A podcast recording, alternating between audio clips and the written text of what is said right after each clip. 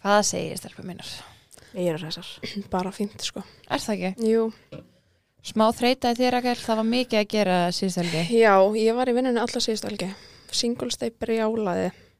Ég átti ammæli. Já. Hvernig var ammalið? Herru, mjög fínt. Bara þægilegt út að borða og svo uppistand. Gekka. Mér finnst þið, ég hló mikið. Ég ætla að elska að hlæja. Hvaða uppistand fórst á? Hann er púðursikur. Og mér langar svo að fara. Já, Þetta ég- er púðis ykkur. Já, þetta er sérst, sérst. uh, uppistand í sigursalnum hann sem að Björn bræði með. Já. Og það eru hvað, ykkur sex... Já, sem er að skiptast á eða ekki. Jú, hann er alltaf einn sem er kynnerinn sko, en við fengum sem sagt Jakob, hann er svona frekar nýri Já, uppistandi. Jakob Birgis. Já. Ok. uh, Dóra Díana, Björn Bra og Sögarðars Og gekka. Já, mér nefnilega langaði eila sko, þú veist, mér langaði 100% Dóra Díana og hérna Sögu Já. og svo var svona Björn Bra eða Ari, hann það var það var mjög fyndið sko, ég hló allan hana mikið mikið. En stelpur, okkur var búið í mjög skemmtilegan dinner. Herra já, ég hef aldrei komið af jólabúði og verið bara eitthvað, herra ég fyrir aðjöngur núna bara aldrei Leir í alvegni þannig. Mér leiði svo vel, Já. þetta var svo Já, þetta hallur var og svo hollur góðu matur. matur Þú veist, þráttur líka eftirréttin okkar, ég var bara, ég var full orku eftir á. Já. Ég er ennþá að hugsa um þessa súpu. Já. Við sérst vorum bóðin í jóla uh, hérna bóðu netto Já. með anglamark vörunum, sem sagt matvælunum. Já. Hún Já. eldaði allt upp úr anglamark vörum. Já, var hann að Jana heilsugokkur Já, og þetta er Og náttúrulega allt svans, snillingur. Mhm. svansvottað og, og vegan. og lífrænt Þannig að- og lífrænt og bara, þú veist, já. allir pakkin. Það er það sem ég er að segja, þú veist, ég var bara heima og ég var bara eitthvað svona, herðu, Mm skella mér hérna á miðnættur að einhver. Ég elska líka að borða svona mat þar sem ég veit eiginlega ekki hvað ég er að borða en það er bara ógislega gott. Já, Já. en ég, Ég, bara mynd, þetta var rosalega gott, ég mynd baða um uppskriftir, sko, ég held að koma inn á netto. Herðu, ég sá hérna súpan er komin inn. Já, geða þitt. Hún Ég er í er að fara- matinn á morgun. Ég er að fara að elda þessa súpu, sko. Vákvæði gott. Já, við mælum með að kíkja inn á netta og nota appið og, og kíkja á allar þessar anglamark eh, vörur. Þegar það er nót til aðeim. En kuldakremið, þetta er uppáhaldsvara mín frá Anglamark. Já, ég er alltaf, ég get verið sammála. var skömmuð um daginn, Anton var eitthvað, ég sé þú settir ekki kuldagræma á hann í morgun, hann er alveg rauður á löppunum, ég er bara svo rí. Þetta svín virkar. Já. Þetta er bara algjör snilt. Líka svona rauðsprungna kinnar út af kuldanum úti. Já, Þú Veist, þetta er auðvitað mjög vant. En þetta gerist ekki að maður setur kremið á því að hann fara út. Ég sé líka, sko, þú veist, þegar ég dreg fram kremið, þeir koma. Þau vilja fá kremið, þú veist, ég held Finnst það að þau þægilegt? fái, sjáu mun sjálf. algjörlega. Og svo er Mhm. algjör snild að hafa í hólfinu í leikskólinum. Já. Já. til að bæta á. Eitt í hólfinu, eitt heima. Já. Eitt í veskinu, eitt í bílnum. Jók. Aldrei nóga þessu. En líka, sko, ég vinn með kuldagræmi á bóndana á hann er farið í leikskólan. Svo er ég vinn með bodiljósanið fyrir nóttina og eftir bað og styrtu. Já. Já, það er mjög gott krem. Þú veist, til að svona mikið á móti og mér finnst þetta rosa gott kombo þarna á milli. Mhm. Þetta er ógislega næs og ég hef alveg notað þetta sjálf á mig. Já, er það. Já. Gæðið. Þetta er svo þægilegt. Kikið hérna á netto og, og vesliði anglamarkvörunar. Og nýtiði 2% inneglunar sem þið fáið tilbaka með samkaupa appinu. Já, ekki gleyma því. En við erum í bóði yrjuverslunar. Heldur betur. Eru þið búin að kaupa alla jólagjafnar eða? Ég er að vera búin. Ég líka. Andra En þú, Andra. byrjuð, sko. Ég ætla að kíkja inn á Yrju. Af því ég ætla bara að gera þetta svolítið allt á sama staðnum. Já, bara klára Ég það ætla bara að bæti. fara inn á Yrju og þú veist Little Dutch og, og brúsanir og þú veist, ég er bara svolítið að fara að klára þetta mjög mikið á einum stað. Sko. Já, mér slið dödsverðunar alveg svona fullkomnar í jólapakkan. Já, Já, fallegar en þú veist, bönnin hafa líka úslega gaman að þessu. Þetta er svona gaman fyrir alla. Mömmunna svona finnst þetta fallegt í herbyggið. Já, þetta er náttúrulega mjög fallega að vera. með sko sérstaklega núna nýja sveitalínan. Hún er frá svo Lil falleg. Dodds, Hún er svo falleg. Ekkert smá. Og hún höfðar til, sko, eiginlega bara mjög breiðs hóps. Já, Þú veist að því að ég hera, ég var að sína hera þetta og hún bara, vá, mig langar í svona. já og svo myndir strákandi bótið leika sér líka fullt með þetta. Mhm. Já, Það er eitthvað eins og eitt svona lítill traktor, mér langar svo mikið að gefa stelpunum þannig, að því að Benni leikur svo mikið með traktora. Já, Já, menn akkur ekki fyrir það líka. Já, Mér finnst það bara gegja. kannski fer það í skóin, Já. blika jólusveinin eða eitthvað. Sendiði jólasveinin inn á yrjaverslun.is og, og græði þetta. En stelpur, ég á náttúrulega að vinna svo mikið um helgina. Vitið þið hvað ég gerði? Hvað fórstu oft á mækæ? Ég, sko, ég bjóða á Mækæ. Gerður þér ekki vel við staffið í leiðinni bara? Ég, nefnilega Kristó líka að vinna um helgina. Vinkonum Já. mín er að opna nýja veslin. Þannig að ég fórum eitt og græja Mækæ á liðið sem var að vinna. Vel gert, hvað skála voru það að vinna með? Herru, ég fekk mér Frey, Kristófer fekk sér Snæ og hinn fengur sér venjulega eða Snæ. Geðvett? Þannig að Það er svolítið svona Svipaða skála sem fólk er að fíla. já, Ég snæra Ég- snæran alltaf bara himnesk sko. já, ég gerir mér alveg ferð úr þessu sko, þannig að ég ætla að býja út í sveit sko, þannig að ég þarf að, en ég gerir mér ferð fyrir mæk, -hmm. það er alveg þannig sko, Mhm. Já. Þetta, þetta, að það segir mikið. já, það segir mikið Andrea sko. fer ekki út um mósó sko. Nei, valla, En svo getið þið líka kíkt á Instagrami og Mæka til að sjá hvernig þið að segja acai. já, Herri, Ég er búin að vera að æfa mig. kontum Ok. okay. Acai, það Asai, svo sexy. nákvæmlega Æ, ég hendi ykkur að kaupa ykkur skál á mækai.is En við erum að fara að fá til okkar hörku konu Þetta er eina gla. Ég er bara, Þetta, Ah, já. ég þetta dáist að dugnaðan mínu það er ekki oft sem ég er orðlaus. Nei, en kannski þurfum ekki að segja neitt meira við leiðum henni kannski bara svolítið að fara í sína sögu Já, ég held Já. það. Þetta er eitthvað sem að þið verða að hlusta á. Já, herru, það er bara let's go Let's go.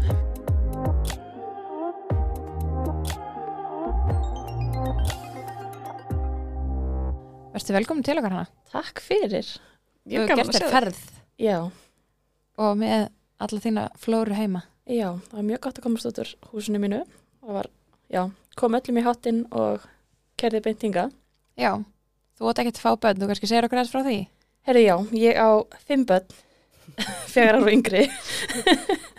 Egnaði sem sagt fimm börn á, já, þrejum árum og átta mánuðum. Einmitt. Shit, Mæla ekki með. Oh my god. hvernig hefur þú það? Ah. Bara þú persónlega Herðu, ég er alveg bara nátið, sko.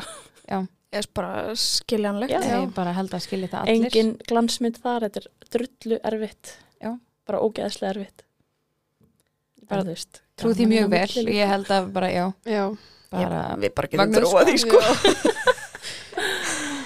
En ef við byrjum bara þess á byrjun þá eigið þið hana eitt bad fyrst Já, við sem sagt hérna erum búin að reyna mjög lengi að eignast barn og við missum hann að fóstur og svo hérna ég held að sé ári eftir það þá verði ég ólétt af honum og þetta voru eiginlega bara svolítið svona svakalega tilfinningar eiginlega eftir allan að tíma að vera ólétt og ég bara svona var bara fattaði ekki að þetta væri í alvörunni og já, það gengur bara allt rosalega vel meðgangan og fæðingin er örgulega það erfiðasta sem ég hef gert á æfinni ég bara hef ekki upplifað hana eins já, svo bara þegar hann er einsás þá hérna ákveðum við að við ætlum að byrja að reyna aftur Já, þá- fenguðu þið- fenguðu ykkur aðstóð þarna fyrst Um, eða voru þetta bara nei, náðu að sko, gera Skil við ekki hvað vorum á maður segir sjálf. leiðinni í glasa Ok, og hérna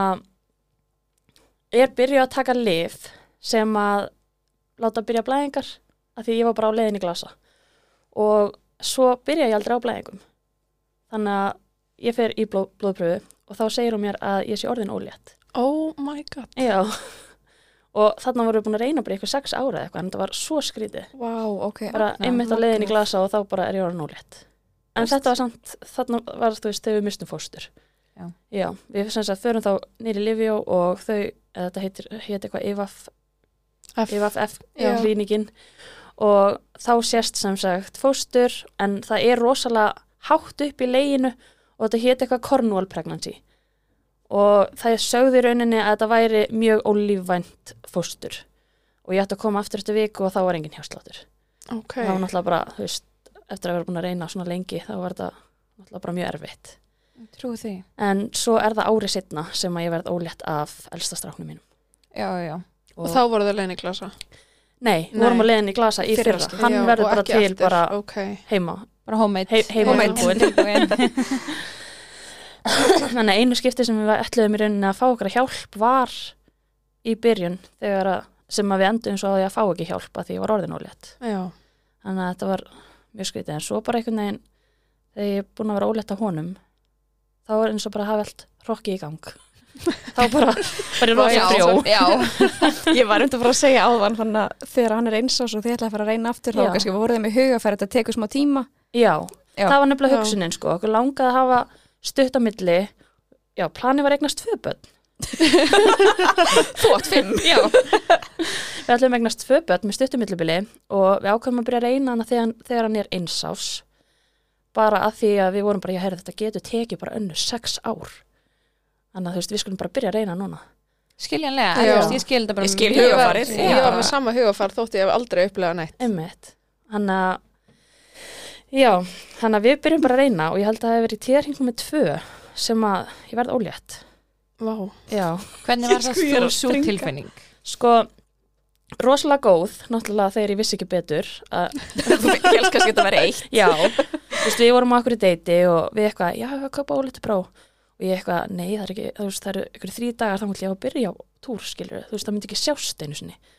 Og við bara einhvern veginn förum heima á þessu deiti og kaupum óléttu brá og ég pissa á það og ég er bara svona, þú veist, línan er bara svo dökk og ég er bara, svona, þetta getur ekki verið svona snemma.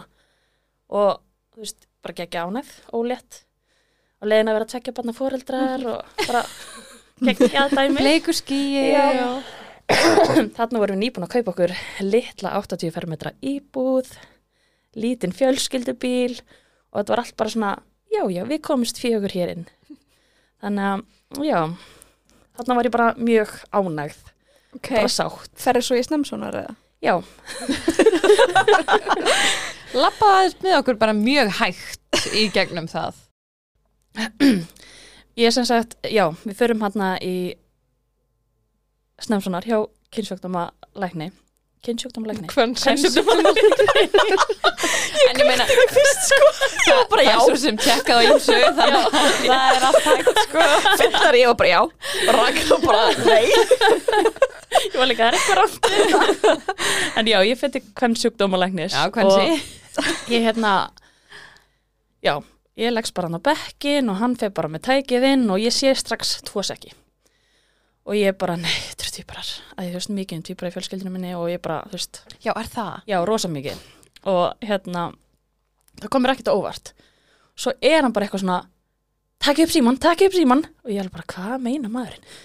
Þetta eru þrjú, hérna, þetta eru þrjú. nei, sagði það Já, hann er bara í jafn miklu sjokki og við. Oh my god. Hann er bara, hérna, hérna er eitt og hérna er annað og hérna er annað.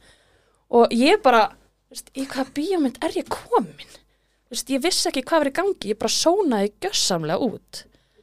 Og maðurinn minn bara eitthvað, já, geggjað, vá, Mér spyr magna að flott. ég leiði yfir þig eða Já. eitthvað, en þú veist, ég bara Ég hef gúpað. en þarna var þetta einhvern veginn svona, ég bara svona, ég held, mér líður bara eins og ég hafi ekki verið á staðinum.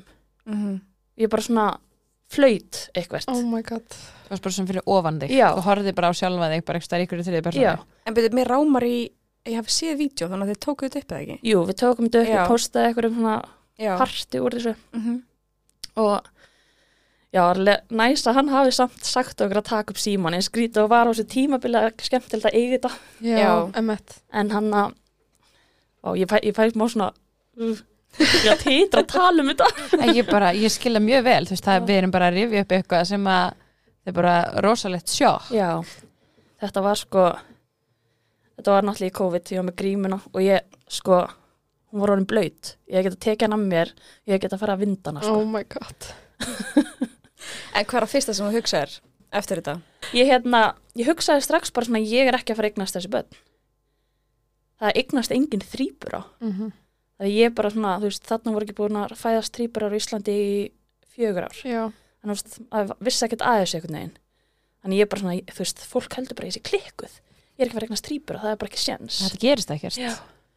og ég hérna labbaði hann út og ég sko, ég hágræt og maðurinn minn er bara svona, þetta er allt í lagi við komumst í gegnum þetta, bara svona það var bara svona eins og ekkert hafi skeð hjá honum ég veit ekki hvort hann hefði bara verið að svona feika eitthvað til þess að halda mér góðri en við bara settum hann út í bíl og ég bara svona þú veist, ég sat hann fyrir utan í klukkutíma Bara Ég, í bara, sjokki. já. ég skilja það rosalega Mhm. vel ég s- svona sé eftir því núna hef ekki bara tekið upp myndavel og tekið upp, upp þessar samræður ég hefði viljað vita hvað við varum að tala um Já, ég manna ekki nei, maður gleymir svona því þú veist, þú ert bara í ykkur móki já Ég get svona ábyrla svona smá translita þetta. Þetta er hann, þetta er allt í góðu. Þegu! en líka bara svona, ég var bara, af hverju ert þú svona góður? Þú veist, ert þú ekki upplegað sama og ég? Þú veist, við erum að fregnast þrjú börn.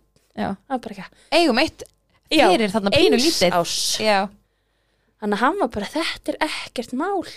Og ég bara, en íbúðin okkar, við kaupum bara stærra húsnæði, en bílin okkar, við kaupum bara stærri bíl og ég var bara, á hverju ert þú? Af hverju ert þú svona rólegur? hvað peninga tré fannst þú? Nákvæmlega. en ég er bara, þakka fyrir það í dag sko hvað hann var rólegur að því hann held mér alveg á jörðinni sko. En hvernig var að segja allum frá þessum? Frettum? Ég hérna, Far úr einu? já, hérna strákurinn okkar var í pössun hjá mömmin og pappa þegar við fórum til hvern sjúkdómalæknis og hérna við löpum inn og pappi sér að ég sé búin að vera hágrátandi þannig að þú veist, örgulega fyrsta hugsunin er bara, ég veist, mist fóstur eða eitthvað svoleiðis og ég bara, þau erum að fregnast þrýbura og ég bara held að varum að gráta og mamma mín, hún springur úr hlátri hún hlær svo mikið og ég bara ég, ég bara skil ekki hvað átti sér staðana, hún var í kasti Er þetta Og ekki pabbi bara minn- gæðsræring? Jú, örugglega. en pappi minn var bara eitthvað æðislegt og minni mig, ég manna það ekki alveg Tók Þetta bara er- sama pólinn og, og kallinn. já, það var eitthvað neginn svona Þetta verður allt í lagi. þetta er rosa mikið í móðu sko Já, ég skilja mig vel. bara skil. skilja mjög vel. Já. En hvað sá hún svo þegar hún hefur náð að kæfa láturinn? ég manna það ekki, í alvörinni mér finnst eiginlega sko bara svona allt þetta bara nánast í móðu þetta var svo mikið geðsarinn einhvern veginn Já. Já. en maður minn var rosalega peppar í þetta allt saman hann var búinn að kaupa rútu þegar ég var komin átta vikur á leið Oh my god. já, Sá hoppaði á rútuvagnin en reyndisar hann Já. alveg bara 1, 2, 3. Ekkert annað í bóði í þessari Nei, stöðu. nei, svo sem ekki. Þú getur ekki tekið þrjóskubúkan mig á þetta þarna. Það er ekki hægt. Nei, ég ætla að vera á kíó. kíó. já, já, ný bílategund. Ah, hann postaði svo mynd á Facebook eitthvað svona nýr bíl og hvað ætlum maður að sé að fara að gera við þennan og ég bara svona, oh, hvað hva er að þér? Þú bara tísa. Já, bara tísa, Ókei. það vissi engin neitt bara Nei, svona, já, þú ætlum bara af átta hverju- vikur. af- Já, af hverju haldið þið að við séum að kaupa rútu? Ég bara, hvað er að þér? Í rútu axl. Byrjuðu ekki allir bara tvíburar, tvíburar. Sko, þetta var mest bara, ertu að fara að vera taxabílstjóri? en svo kom ein frænka minn eitthvað, eru fjórburar á leiðinni? Og ég er svona, næstu bara við. Mínu sagði eitt frá hana og Já. færði hann tölu. Það versta er að hún var að grínast en þú varst bara að næstu á pari. Einmitt. En hvað tók svo við hjá okkur eftir þetta? Ég var náttúrulega að vinna eða ég var nýbyrjuð að vinna í nýri vinnu ég var náttúrulega bara að byrja að vinna eftir fæðingarólof Já. þannig að ég þurfti bara að fara að tilkynna það að ég væri nánast bara hætt að vinna í þessari nýju vinnu minni þannig að það var svolítið svona já, svolítið erfitt erfið staða og svo var það í rauninni bara að við fórum að flytja til mögum pappa og keftum okkur hús og já, við byggum hjá mömmu og pappa alveg stóran part af meðgöngunni sem var rosa næs að því að þá gæti mamma og pappi hjálpa mér svolítið með hann eldri þegar Arnar var ekki heima af því að Arnar uh, var að vinna á þessum tíma í Reykjavík og við náttúrulega í Keflavík og já, að því ég gæti eiginlega ekki hrift mig Hvernig Skilur leiðir hann að fyrstu vikunar? já, er veit að segja þetta er allt bara í rosalegri geðsræðingu Ég var bara fjárverandi, hann ég, ég, ég held hugmynd um það hvað bara gerðist. ángríns en þetta var rosa mikið svona eins og fyrstu vikunar ég vissi ekki hvernig ég átti að fara að því að segja fólki þetta og svo þegar að ég náttúrulega sagði fólki þetta þá var þetta náttúrulega bara allt sem fólk talaði um Mhm. þannig að þú veist, það komst ekkit annað að og það var líka ótrúlega erfitt Já. að því þetta var þetta var ekkit venjulega meðganga þessum þetta býði eftir badni sko, þetta var bara ógæslega mikil óvissa og einhvern veginn var þetta umræðan hjá öllum og allir vissi þetta einhvern veginn Mhm. sem ég varst alveg pínu óþægilegt líka Já. Voru þrýr belgir eða voru einhver saman eða? nei, þau eru þrý ekki Þau eru þrý ekki? Já. En Þannig- hvað er svona, þú veist, að þegar þið farið til kvensa, hver eru svo næstu skref þegar maður er með þrýbura? sko, hann sagði mér að ringja bara nýra á ljósmaravakt þannig ég ringdi bara nýra á ljósmaravakt í Keflavík þegar ég var náttúrulega bara vön því með eldri Já. og það var bara strax bara, heyrði, ég ætla að gefa það samband við landspítalan þannig ég, þú veist, ég kom ekki einu svona inn á spítalan í Keflavík, sko Já, þannig að þú ferð alltaf kepla í landspítalinn í öll tjekk. já, og ég Sem var eru í- vantilega oft. Já, ég var í sóna sko á tveggja vikna fresti og ég var að hitta fæðingaleknir á tveggja vikna fresti og þarna eitt viðbót ég man Mæður það ekki. eftir litið. Já, það, tveggja vikna fresti Oh my Vá. god. Já. og ég fekk Þetta er ekkert alltaf prógram. tíma á sama degi þannig að stundu var þetta bara mánudag, þriðudagur, miðugdegir dagur í þessari viku er ég njörlandsbítala svo kemur ein vika það sem er ekkert svo næsta Þetta er vika hérna. bara full vinna. Já, og þetta var ótrúlega erfitt nýbyrju í nýju starfi Já. þannig ég var ekkert, þú veist, örgulega ekki vinsalasti starfskrafturinn hann en En ég meina Svona lífið. væntanlega eh, fullur skilningur ætla ég rétt að búa. já, algjörlega En hvernig er það með þú veist, áhættu á meðgöngu með þrýbura? hún er náttúrulega alveg rosalega mikið. Það er eitthvað, þú veist, ég er jafn miklu tjekki og eins og þetta væri einægja tvíburar held ég. Ok, Já, já því að þetta eru þrý, Já. þrýst, já. Þetta er ekki einægja Nei, þrýbura. það var það sem ég Meðganga. hefði kannski framöfu það að væri minni me- áhætta er að þetta var þrýægja. býtu það var að syngast inn í mér núna. Þú varst með þrjár fylgjur. Já, Vá. Wow. Hún með þrend af öllu. Ok, jæja. það er svolítið mikið. já, já, líka tímumbili var ég hætt að komast inn í styrtuna heimi á mér, sko, þetta var bara, þetta var fárulegt, sko. Oh my god. Oh my god. Hvenær þurftur bara svona alveg hægt að vinna? Ég hætti að vinna þegar ég var komin átján vikur. Vá, mér finnst það samt langt. Já, Já. mér líka, mista land. Já. Bara vel gert, sko. Ég hérna, ég samt sko, þegar ég var komin níu vikur á leið, þá fekk ég eitthvað svona hjars, hjarsláttatröflanir og það var sem sagt út af því að ég var með þrjár fylgjur og það var svo mikið auka bló, blóðflæði í líkamannu mínum. Já. Þannig ég hætti að vinna, komin níu vikur upp í tólf vikur, þegar ég var komin tólf vikur mátti ég aftur byrja að vinna og svo vann ég upp í þegar ég var komin átján vikur. Ok. Ok. En hvernig, já, þú ma- manst, manst ekki rastina meðgöngunni eða? Sko, Þarna eftir átján. þetta er eiginlega vandræðilegt. Nei, guð, ég spilði svo vel. Þetta er nefnilega ekki vandræðilegt, Þetta er sko. eitthvað sem að ég hefði líka bara, já, delete. Já, ég held að sé líka bara svona með fyrstu árin með þau, sko, ég bara svona, ég horfði tilbaka og ég stendur bara svona, vá, það er bara allt farið.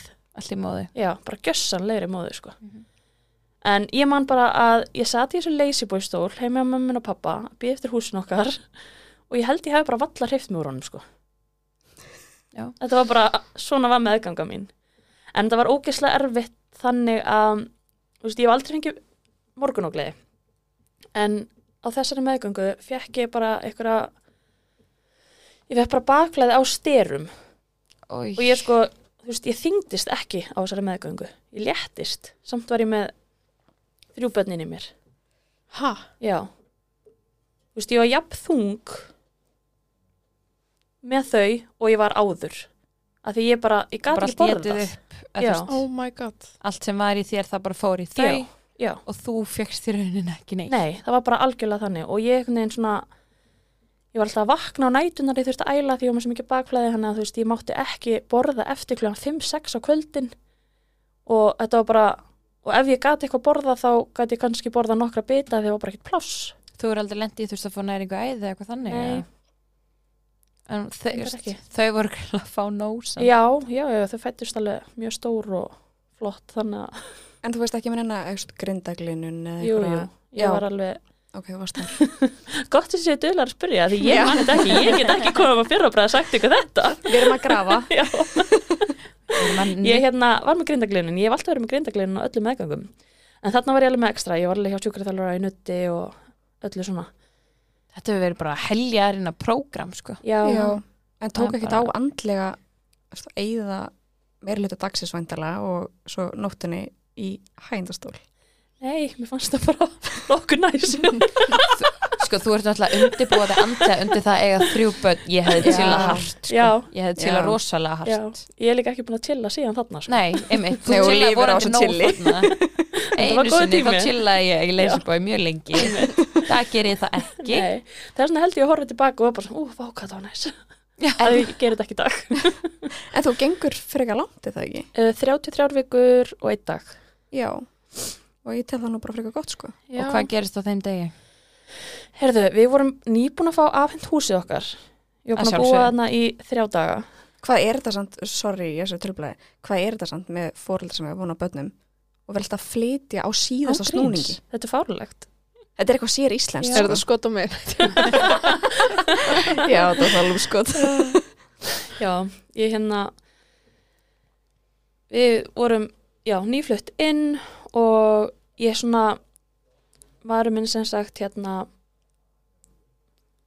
ég er að reyna að muna hvort hann hefði verið byrjar að vinna nei, hann var að vinna eitthvað um kvöldið og eitthvað en ég vakna með stráknum sem ég gerði aldrei, þú veist, hann sá eða bara alveg um hann en ég þennan morgun var ég eitthvað, já, ég skal vakna með honum og bara komin 33 Já, vikur leið og bara nákvæmlega með þrýbura ég græði þetta já, og hérna svo hérna vaknar hann eitthvað og ég er bara svona, ég er búin að vera með smá verki frá því kljóðan átta og hann eitthvað, já, fyrir niður á spítali, ég alveg, nei, nei, skulum ekki gera því þú veist, held náttúrulega alltaf aftur af mér þegar það kemur að öllu svona, sko og hann eitthvað, jú, ég vill að við kíkjum og þá erum bara sendið baka og ég er alveg bara svona, óh, meira vesinni á þér þú samt, ég skila mjög vel, það er ekki svo sér hliðin á sko Ná, Nei, þetta er bara brautin þannig að þú veist, En ég var samt möguleika bara- verið að gerast ég var svo chillu, ég var bara eitthvað neini þú veist, ef þetta verður eitthvað meira þá, þá kík ég, en svo var náttúrulega þú veist, við, við þarf að fá stera og svoleiðis áður en að þið fæðast þannig að það er kannski alltaf að tekka þá var ég bara senda aftur heim og ég, hérna, hann eitthvað ég var að taka fæðingatöskuna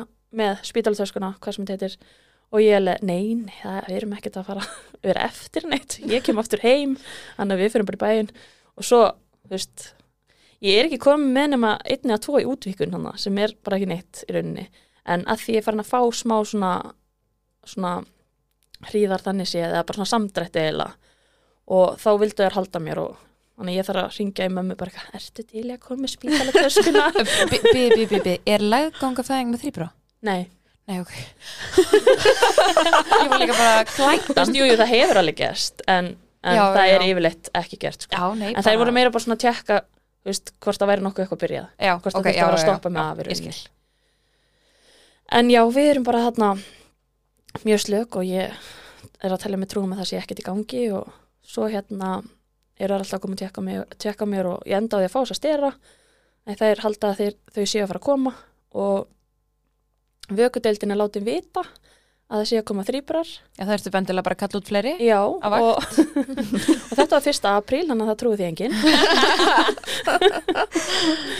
þannig að já. Það er ógist. Já. en svo er hérna okkur bara, já, rúlað inn á skurstofu og ég veit ekki af hverju, ég sko, já, ég, þú veist, fæðingi með eldri strákin gekk ótrúlega vel, þú veist, í bókinni skiluru, en hún var ógeðslega erfið en ég var eiginlega meira stressu fyrir að fá mænudefingu. Ég skila Já, ég veit ekki hvað það var, ég var bara svona, þú veist, ég var líka grátandi, haldandi í hendina á manninu mínu bara eitthvað, bara að fá mæ, mænudefingu. Svo bara þegar það var búið, ég var bara, hvað er ég búin að vera að kvíða þessu? Þú veist, Ekkert má. Er þetta búið? Já. eða? Og já, svo Svo liggur það hana bara Búið að Já. krossast að þið væntanlega er að rifja þetta upp. Ertu, ertu komin hann aftur eins og í sónarnum Þú er svona eftir að horfa sjálfa þig eða fannst þér að vera á Nei, staðnum? ég fannst ég vera á staðnum þarna sko en það var samt rosalega skrítin upplifun einhvern veginn að því að þú veist, það er bara eitthvað hundra mannsinn á þessari stofu Já. Þú veist, það er fólk frá vökudeildinni, það er barnalæknir fyrir hvert, hvert og eitt barn og það er endalusta ljósmæðurum og Svo lækna nefnandi grein sem allir Já. eru bara Trúir enginn að þessi koma þrýbrar og Einmitt. þið verðið að sjá þetta já, þannig ég bara svona, mér fannst ég vera bara eitthvað svona eitthvað sirkustýra maður. Já, ég, ég skila mjög vel Mhm. Við rækilegum náttúrulega með okkar í svipaði okkar keisurum, þú veist, erum náttúrulega báðar vakandi hana Já, það var bara, þú varst með eitt í viðbútt þannig að Já. þá ertu með, þú veist, örgla pluss allavega fjóra já, já. Mhm. á það batt, sko Þannig að þetta er svona rosalega skrítin upplifun einhvern veginn að, þú veist, svo er þetta bara einhvern veginn svona vera að gramsa í þér og það er komið eitt barn og svo er vera að gramsa í þér meira og það er komið annað barn og það er svona eins og maður sé með- í einhverju fjöldaframlegslu þú veist, þetta er eiginlega bara Þú varst ógeðslega- svo sem í því Já. og þetta er bara ógæslega skrítin tilfinninga eitthvað og svo líka bara þau eru öll tekin, þau fara beint upp á hérna, vökudeild og þú færð ekkert að sjá þau þannig sé ég rétt fekk að sjá eitt barn og ég veit ekki eins og hvaða barn það var Æ, Æ, þú veist.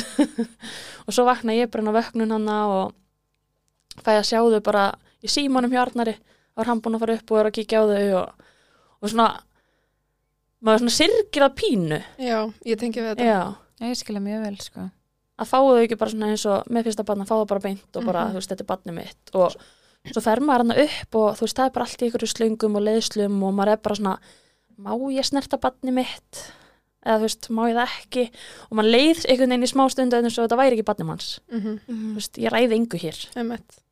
Hvernig gekk keisarinn, þú veist, þú erum með þrjú börn þú veist, gekk vel að koma öllum út já, það gekk rosalega vel þau voru fætt bara með, já eins mínúta millibili öll Vá. já, Ó, gekkja Vá, þú fættið þrjú börn á þrjum myndum Já. Gera aðri betur Ekki Já. ég allan En áðurinu fyrir maður vökudeildina að því við vorum svo spennt að gera fyrir fæðinguna við glemdum að spyrja vissið þið kynin á hann þið fórið inn í fæðinguna? Já, Ok, sko fyrst fáum við að vita á landsbytalanum þegar ég komið 15 vikur að séu tveir strákar og einn stelpa Já, þið var alltaf voru Já, ég var alltaf að það Það var ekkert nýju mánuður Nei. en að borga fyrir það En svo Bara- fór ég í nýju mánuði Nú, ok að því bara, ég veit það ekki, okkur fannst svona rosalega gaman og svona eða eitthvað, það er ekki nóg að vera tvekja vegna fresti og hérna, þar fengum við að vita að þetta voru tvær stelpur og eitt strákur og, já, þetta er rosa, þú veist, stundum er þið bara að skoða annað Sama barn barnið. aftur, Sama barnið eða, aftur, þú veist, þetta já. er náttúrulega bara eitthvað Ég skil Þrjú mjög vel ár að í. vilja fá þarna líka 15 vikur er það ekkert alltaf alveg nákvæmlega Nei. komið í ljós einmitt, Þannig Ég skil mjög vel að hafa vilja fá staðfestningu sko. einmitt en svo Sjá fórum við, þrjú. við sprengdum eitthvað svona konfetti með fjölskyldunni og ég er mjög án að við sprengdum rétt konfetti já. þannig að þú veist, já, myndband að því að sem er sprengt, þú veist, tvö blá og eitt bleikt Já, já, já, já. þannig að þú veist ekki að gera það aftur Það hefur maður plata En það var svo mikil óviss eitthvað fyrst til svona, já, þetta er öruglega tveir strákar og einn stelpa. Þetta er Öruglega þetta. Svo ok, vissum- frábært Já, svo vissið það ekki í rauninni svona, er hann alveg í rauninni kannski bara hana rétt fyrir 20 vikur eða eitthvað. Þannig að þú fást úr tvæ, tveir strákar, einn stelpa í tvær stelpur einn strákur og svo aftur í Já, tvær. og svo aftur í tveir strákar og einn stelpa. Ok, aðeins búið ringla með þig Já, þannig ég einhvern veginn svona, þegar við sprengdum þetta konfetti þá var ég alveg svona, ú, gaman, ég veit ekki hvort sér ég ett. En það er gott, veist, þetta var bara annarkor stelpa strákur, Já, það já. var bara En svo á vökutildinni um, eru þau alveg í, þú veist, vantarlega í hitakassa og með einhverja öndunraðstóðu eða Um, já, þau eru í heitakassa samt sko bara í eitthvað tvo daga eða eitthvað. Ok, vá, þannig að uh, Bjartur var aðeins lengur, hann fættist minnstur og þau eru bara komin í vöggu eða bara, já, eftir tvo daga eða eitthvað svo leis Hvað fættist þú stór?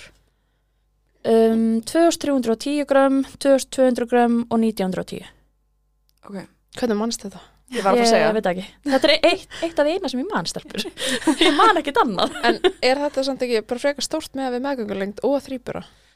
Jú, það var einmitt talað um að vöggudildina þetta séu stórbönn, Já. þú veist, með að við mér þess að einbura Já, eru og bara líka, Já, já, já. og hvað á 33 pluss, einn, Einn. já, ok, og öll alveg kringu 2 kíló já. Og líka það að þú hafi verið með þetta blagflæði og eitthvað Það bara, Já. þú veist, líka með þinn er greinlega magnaður já, stelpur að hafa bara náða að búa til hann að þrjá ferska einstaklingar sem voru í tvo daga í kassa. Já, en þau voru samt alveg hérna með svona eitthvað súrefni eitthvað smá lengur Já, og skiljanlega. hérna Bjartur var lengst með það en það var samt ekkert meira heldur en ég veit þetta ekki alveg sko, vika eða eitthvað Já, Já, en þetta hann er alveg var alltaf að svolítið- taka svona fyrirburadýfur þar sem að hjarslátturinn fer svona niður og það er unni þurft að líða vika þannig til að hann var þú veist búin að taka dýfu og svo þurft að líða vika og þá máttu við fara heim já og við vorum alltaf að býða einhvern veginn svona komin í þrý dagar, engin dífa og svo, ú, dífa, vika yfirbót en það var á svo Mm. mikið svona við vorum hann eiginlega bara út af honum Þú veist, við hefðum útskrifast miklu fyrir ef að hann hefði ekki verið að taka sér dífur Já, ok. þannig að það hefði bara ekki meika sens einhvern veginn að útskrifa okkur með tvö börn Nei. og vera með eitt barn á landspílanum í Reykjavík þú veist, þannig að Nei. við vorum bara öll Já, bara áfram, væntanlega Já. fengið eitthvað fjölskyldu herbyrgi eða Já. eitthvað svona, já og þetta var rosalega erfitt sko að því leiti að hérna, það var kannski svolítið öðru seldur en að búa í Reykjavík og geta bara að fara heim til sín og kannski skiptast á að vera með ba- eldra barni eða eitthvað svoleiðis að því að þarna vorum við og þurfum í raunin að vera bæðið þarna að þetta eru þrjú börn, maður getur og að lítið hugsa einn um þrjú börn Mhm. þarna og þannig að eldri strákun þurfti að vera hjá ömmu snafa og þetta var alveg mánuður svo fekk hann RS-vírusin og ég mátti ekki, eða, þú veist, við máttum ekki hitta hann í tvær vikur og þú veist, þetta var bara ógislega erfiðu tími Oh my god. þú veist, gagvart honum. Já. Já. Trúði þið vel. Og væntanlega líka fyrir memmu hjarta Já, algjörlega. Og þa- þarna var, þú veist, Arnar búin að sjá rosa mikið um hann fyrir þetta. Þú veist, þegar ég var bara í enda meðgöngunar og svo kemur þetta ofan á þetta og ég bara svona, vá, ég er að bræða spanninu mínu sem ég veit alveg ég var ekki að gera en þú veist, þetta var bara svona það sem ég hugsaði. Líka allir hormónunir í líkamannum Mhm. Já. var og fóksar þetta allt í, í döðlur sko. Einmitt. En hann væntalega samt verið í góðu degri hjá ömmu og afa. Já, já. Og honum leið vel, sko. Já, ha, þetta leið óblöðs og tveir dagar fyrir honum, sko. Já, hann hefði ekkert nefnt að hafa ykkur, ykkur þrjú börn á leiðinni heim og ykkur mömmu sem getur hvort er ekkert að því það eru þrýr aðra einstaklingar sem að þurftu að henni að halda sko. Úff. En ok, að honum, að þú veist, ég man undirbúningurum fyrir, þú veist, eldrabann hjá okkur var alveg skrítinn, Já. erfiður, þú veist, gáttuðu útskýrt fyrir honum, þú ert vegnast þrjú sískinni. Nei. Það er svo lítið. Þú veist, hann var 21 mánu. Hann var ekki einu svona orðin tveggjara þegar þau fæðast. Já. Þannig að, þú veist, hann hefði engan skilning. Nei, Það er bara svo, þú mamma á bara með stóra kúlu. Já. það er bara svo, svo tvíbröðnir eru núna. Já. Já. Þú Mhm. myndir alltaf útskýra Oh fyrir my þeim God. að, að mamma sé ólétt. Mm. Nei. Nei, Nei, einmitt. Bara Ekki ólétt, séns. punktur, ekki, Nei. ekki hvað þá þrýburum. Þetta er bara Nei. svo þið myndir þurfa að útskýra núna Já. fyrir þeim að þið Já. eru óléttar. Ég samt, þú veist, hera var tveggjára þegar strakundum fæðist. Já. Ok, ég, ég pott þetta að ímynda mér að mér fannst þess að hún skildi, sko. Hún alltaf sér alveg kúluna, hann vænti Já. sá alveg kúlu og það er eitthvað sem hún skilur en ég Já. held að þú, þú undibúir ekki Nei. Nei, hvað Þetta þá er verður þrjú, svona- sko? Þú veist, eins og bara að undirbúa hann eftir meðgönguna eftir það með elmu, það var allt annað dæmi. Já, skiljanlega En að undirbúa hann með, fyrir þetta, það er náttúrulega bara, þú veist, hann skilur ekkert. En sko, ég held að ég geti talað fyrir alla hlustundur að ráfla allir mjög forvitnir og spenntir að heyra hvernig er rútina með þrýbura. Þú veist, bara gefa þeim á næturnar, þú veist, klæða þau, bleiuskipti. Mér sko, mér er tvíbura að vera færibandavinna. Já. Þrjú, það er skilgrinning Mm. og Það færibandavinna. hefur líka verið vantilega ákveðið sjokk að fara þið eru með rosalegt vantilega utanumhald niður á landspítala, Mhm. Já, svo farið þið heim Já. Sko, við förum heim og eh, við byrjum Fyrir Fyrstu- hvað er þið lengi? að það niður á Við erum landsbyggðinni? mánuð, bara Þið eru sletta mánuð. Sléttan mánuð Já. Ok. Svo komum við heim og Ingi Bergur kemur heim til okkar og hann var ælupest fyrstu nóttina. Að sjálfsögðu. og þannig að ég fer inn í eitt herbyggið með þrýburana og ég sé bara um þau um nóttina og hann sé um æluna. Og þarna áttuðu við okkur eiginlega svolítið á því að þetta er rosa næs að taka bara eina nótt og eina nótt. Mhm. Og við fórum bara að hafa þetta þannig að við skiptum, við sáum ekki sama herbyggin í átta mánuði. við skiptum nóttunum bara mitt okkar. Að ég þá kosti alltaf verið bara, ok, ég sef ekki til nótt, ég sef næstu nótt. já. Vá, þetta meika svo mikið Já, sens. Já, mér finnst þetta sniðugt, rosalega sko. sko. Á ég sama bara- tíma er ég bara, oh my god, það þurfa Ég að er vera sem svitna, þrjú. sko. Já. Ég man nefnilega, ég sá ykkur gera þetta Já, og þegar að ég var síðan ólítið strákan þá hugsa ég, þú veist, já, ég gera þetta líka. já, en svo þú er að koma að því þá er ég bara fuck it, þá ég fóði þrjá tíma þess að nótt að tekja já. þannig að við gerum þetta ekki, ég hefði þetta að gera þetta En ég náðu samt alveg að sopna eitthvað, þú veist, það er nætur sem að já, ég svo var að þú sjá varst á hana, vakt, já, ok Voru þið að vikta, eftir, Nei, við vorum ekki að vikta, sko. þannig að þetta er komið í rauninni Já, svona Þú veist, þokkalega þetta var eiginlega orðið þannig að við máttum fara að leifa þeim að, þú veist, þetta er búið að vera mánuður á vökudildinni og þegar við komum heim þá máttum við alveg fara að leifa þeim að vakna sjálf. Þú veist, þetta var ekki, þú veist, að ég var að stilla vekjara klukku eftir þrjá tíma, minni mig. en allavega þau vöknuðu samt bara eftir þrjá, þrjá Já, og hálfa. voru bara Já. hvort er svöng Já. Já. Þannig að, þú veist, eitt vaknar, ég gaf því pela og ég vakti annað til að gefa því pel- pela og gaf svo seinasta. Og þegar að, þú veist, maður er búið með þessa rútinu, ofta er maður að skipta og svona, þá er, þú veist, rosa langu tími af þessu trefn tími búin. Já. já, Þannig að þú kannski nærði ekkert að sofa neitt rosalega mikið. Og það var kannski ástæðan að við fórum að skipta okkur svona því að ég nætti ekki að vera bara hverja einustu nóttu svona. Þú veist, það er bara ekki hægt. Nei. já, þetta er eiginlega bara nóbreinir að gera þetta Já. svona sko Já, bara líka með þrjá einstaklinga, þú veist, hvað gerðist það aldrei að það var bara allir öskrandi og, Jú, og þú jú, bara jú. með tvær hendur, sko. Jú, algjörlega, sko. Enda kifti ég hann á endanum svona púða Já. sem að, þú veist, Milkimate. Ég er alltaf að Mælum. nota mína sko. Já. Mælu með, ég held að þetta sé hægt og ég er bara svona, uff, greið sko, bara fóreldrar mína. áður nú varst að lýsa því að þú gafst tveimur einu og beðist með hinn Já, þá var ég komin í hugsununa með tætnar já,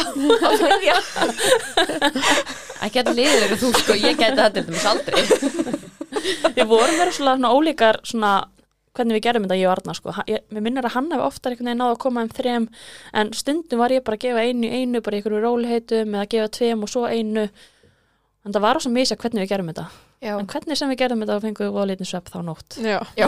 Væntanlega. Já. en þetta var samt svo ógeðslega næs að því að þú ætti kannski bara hræðilega nótt og þú ert bara svona, ég fæ að sofa í nótt, það er enginn að fara að trubla mig. Já. Já. Og það bara held okkur gangandi, sko. Já, ég trúi Og þið voru líka í e- eruð í ágætis húsnæði. Já, Vist, hjá mér, ég fengi ekkert frið þótt ég væri með starfbergi, sko. já, við hérna erum með fimm herbyggi, þannig að það var fyrir þessi fjögurbönn, var pláss fyrir alla Mhm. í Já. sínu herbyggi. Gekjað. Þú veist, hvernig er, hvernig er að fara út með þrýbura og svo eitt barn fyrir?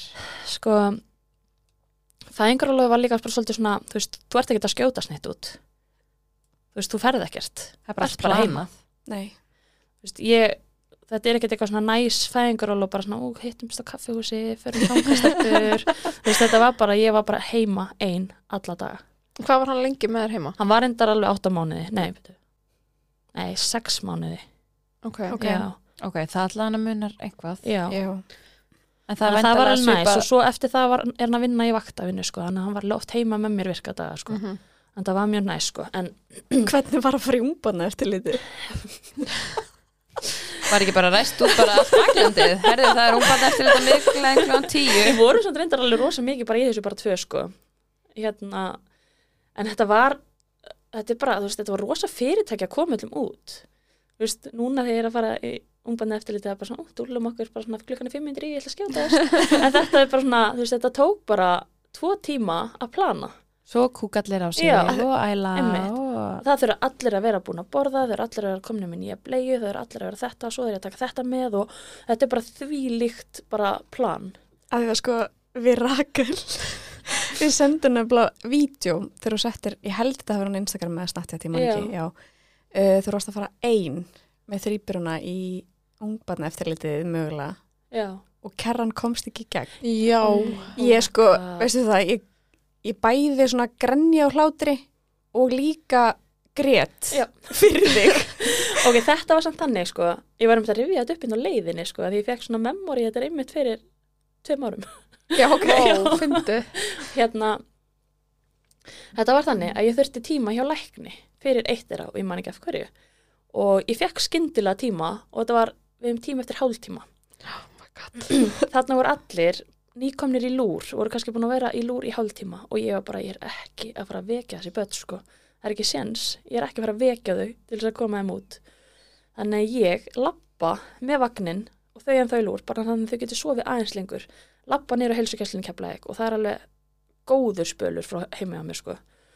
Og þá kemst vagninn náttúrulega ekki inn að því þetta er svona þrýr hlið við hlið sem ég mæla ekki með, geggjaðu vagn sko en margt annað sniðora. og hérna, já, kemst ekki með vagninn inn þannig að ég er einhvern veginn að reyna að plana hvernig ég ætla að koma það minn þannig að ég tek tvíbura svona burðasjál og er með tvö og svo held ég á einu Oh my god. þannig ég er með þrjú Hættu. börn hérna framan á mér og ég settist í stólinn það voru bara allir bara tsum, horfða á mig og ég var bara ég er ekki stuð fyrir þetta núna, ég er ógeðslega pyrrið, ég var að lappa hingað og ég held á öllum börnunum mínum að því vagnum minn kemst ekki inn, hætti að stara á mig og þú veist, þetta var hræðilegt og svo hérna kem ég með hann inn og það er, það er að skoða eitt barnið og ég er alveg svona þetta er þessi í miðjunni Þannig ég Þetta þarf eru einhvern veginn- tekið Já, þannig ég þarf einhvern veginn að smeyja honum upp úr legg eitt barnið á gólfið Þú stelpur, þetta er bara rugl í alvörinu Oh my god, sko, ég, ég er að svitna Já. við tilhugsununa. Já, bara rúmlega það. Já, þetta er bara þú veist, þegar maður horfið tilbaka mér finnst líka erfiðara núna að eiga þau öll af því Já. bara þau eru orðin svo virk og bara stærri, skilur en þegar maður horfið tilbaka þá er maður bara svona uff, vá, hvað það var mikið hark Nei, en líka, ok, þú veist, þú ert að fara með þetta í bíl. Já. Þú þarf alltaf að skilja eitt eftir, þú ert ekki að fara að halda á þremi bílstólum. Nei. Ég sko, ég bara, hausna með nær ekki í kringum þetta. þú veist, Þetta er, þetta er líka bara magna dæmi. Já, þetta var líka svona eins og ég var að fara með út í vagn af því þau sváðu best í vagninum Þau fór, ég fór alltaf með út í vagn bara tvisar á dag og ég var búin að klæða þau öll í galla og þau lágu öll á gólfinu inn í fórstöðu hjá mér og svo tek ég eitt, seti í vagnin svo fer ég aftur inn, tek annað, seti í vagnin og þú veist, þetta er bara þetta er byllandi færibandavinna, sko Þetta er líka svo mikil endurtekning. Já, Já. Þetta, já, þetta er, vá, þetta er rosalega Já. endurtekning. Þetta er Alltaf örugglega í galla. sjúklega góðið Í að galla. skipta blei. já, já, Já. ég er rosalega góðið því Það er bara hér. Já, En hvernig, þú veist, ég sé fyrir mig núna bara þið tvö á gólfinu, Anna með, þú veist, fyrsta krakkan bleia, slæta til hlér, útföt, slæta til hlér. Er þetta ekki með svona fiskifæriband heima? Já. Þú Svona, þannig bara og þetta er rúlla bara svona allt. ennþá í dag sko. Þú veist, þetta er bara, þetta er fárlegt hvað líf mitt er bara færiband að vinna sko. Þú bara gera sama aftur og aftur og Já, aftur. Það leiðilist í heimur að klæða bönni útföt. Já. Já. Það er staðfest. Ertu búin að fá bara rannsóknir? Já, veist, ég bara, bara staðfest. en ok, þannig að, þú veist, já, þetta var vægarsagt erfiðu tími hjá okkur. Væntalega Já. mjög lítið sofið. já og svo bara þannig veturinn þá kemur, þetta, er- þú veist, þetta er vetur þar sem er ókslega mikill snjór og þú veist, ég er ekki að fara með þrjá barnastóla hérna, stelpur kíkjum á kaffihús þannig að eina leiðin fyrir mig til að fara út var að fara út að labba með þau og það var svo mikill snjór þannig að ég komst ekki með vagnin eitt þannig að ég var bara einhvern veginn heima að gera ekkert, það var enginn sem ég þekkti í fæðingarólufi, Oh my það var God. svo Hvernig er að ógeðslega vera, einangrandi. já, hvernig er einmitt að vera ein með þrýbura heima? Þú veist, líður dagurinn hratt eða var misend eftir dögum? Þú veist, af því þú ert náttúrulega í heim eins og þú segir, ógæslega mikill í færibandavinnu. Þetta var sko, þú veist, bara í minningunni var þetta bara ógeðslega erfitt. Af því að hérna, þú fegst aldrei þetta breyk. Þú veist, þau voru að fara í lúr og þú veist, eitt barni vaknaði eftir 20 mínútur. Annað kannski eftir hálftíma, annað eftir tvo tíma. Þannig að þú veist, ég vildi náttúrulega að þau myndi svo kannski tvo tíma. Þannig að þú veist, eftir þess að 20 mínútur er ég að reyna að svæfa þetta barn aftur. Ég er komin út að rugga vagninum. Þannig að maður er komin svona kvíða að einhverju væri að vakna og þú veist, maður náði aldrei að njóta þess að vera í smá fríi í þessum Var lúr alltaf eitthvað á tónum, alltaf, Já. Mhm. alltaf að vera stökka til. Já. og þú veist, ég var bara orðin einhvern kvíða hrúa Já, ég bara- bara Trúi því vel. Ah. skil það mjög vel. En ég ætla að fara að spyrja þau, þú veist, ég uppleiði mjög mikið svona sammisku byrja alltaf gagvart týpurunum. Já, Þess að mér fannst ég alltaf, maður getur náttúrulega ekki veitt þeim 100% aðtegli báðum á sama tíma einmitt og mér fannst ég aldrei vera að veita þeim sömu aðtegli eins og ég veitti heru þegar ég var með henni í fæðingarlöfi. Já, Hvernig, þú veist, nú ætla ég ekki, ég er ekki að reyna að láta alveg illa, en hvernig leiðir andlega, þú veist, gagvart þeim? ég held einhvern veginn þegar þú ert komið þrjú þá kemur þessi hugsunning einu svona upp í hausuna þér ég held að Nei. væri kannski meira bara svona ef þú ert með tvö þá svona ertu meira svona þú veist, þú ert að taka meira eftir því einhvern veginn að Mhm. þú sért að gefa þú veist, þessu minna eða þessu minna en þegar þú ert komið þrjú þá er þetta alltaf einu bara orðin einhver hér einhvern veginn Mhm. Já, æskilegið já, mig Þú átt bara ekki sens. þú veist, ég á ekki sens í þetta Mhm. Þú veist, þannig að þú veist, þessi hugsun er ekki einu sinni Nei. nálægt hausnum mínum einhvern veginn Og Mhm. það það er fæði svona bara ekki pláss. Nei. en það er meira svona, ég er með svo rosalega mikið móral gagvart, gag- gagvart elsta Já, mér fannst alltaf svo ógeðslega erfitt einhvern veginn að vera að koma með þrjú börn og hann alltaf bara einn Mhm. Hvernig tekur hann þessu þegar þið komið heim? um, Fyrir utan Skildi ekki ælufestina neitt. greiði Já. sem hann fekk. þú veist, það var en einhvern horfið á þau svona, "Ah, fyrir að tau- tóa í sokkin þeirra og svo bara hm, búið Já. hann er bara allt og lítill í að skilja Já, Já. þannig að hann í rauninni hefur þannig sé bara alist upp við þetta og hann bara Já. veiti þannig sé eiginlega ekki betur nei, nei. nei, en að eiga Mm. Mhm. hann man ábyrlega ekkert Já. eftir því hvernig hann var Nei. að vera eitt, sko. hann man ekki testið sko. En hvernig voru þeir sem unga börn? um, Þorri var hræðilegur hann er nýbyrjaður að sofa hann, hann byrjaði að sofa tvekja hálsás bara svipa og örgla stelpuna þínar Já, við hefum náttúrulega talað saman Já. um þetta. Ég býð þá eftir tveggja hálsás Já. ammalinu. og hérna, hann var með mjölkur ána mig og ekki ána mig sem að reyndar, þú veist reyndi ekkit á að því að hann grindi sem hefði áður en hann fór að borða Já, ok. en hann var alveg með rosalega bara rosa pyrraður þegar hann var að drekka og hann var alltaf öskrandi og þú veist maður þarf alltaf að líka að lappa um golf og hossonum þegar hann var að drekka og þetta var bara rosalega erfiðu tími með hann Oh my god, þú verður með tvö önnur. já og maður er eiginlega svona ma- ég man ekki hvort að hintu hafi verið eitthvað erfið eða hvort að þú veist það hafi verið eitthvað af því hann var svo yfirgnæfandi erfi, erfiðastur Ok. þannig að Og var þetta allan sólaringin? Já, nánast. Svo náttúrulega hérna fór hún á ofnæmismjölk, þá var það miklu betri sko. Já. En vá, þá hafið þurft að blanda sér fyrir hann. Já. Voru þá með tvær pilavelar að hvernig gera þetta? Nei, við blönduðum hans bara hérna, bara svona venjulega Mm og vorum svo með babybressuna fyrir þarna hinn tvö. Besta hack sem ég hef séð frá þér. Geim Hvað? hann í herbyrgi. Já. ég var að fara að segja þetta. Við gerum þetta og þetta var svo mikill minn á Já. nóttunni. Þetta geggja sko.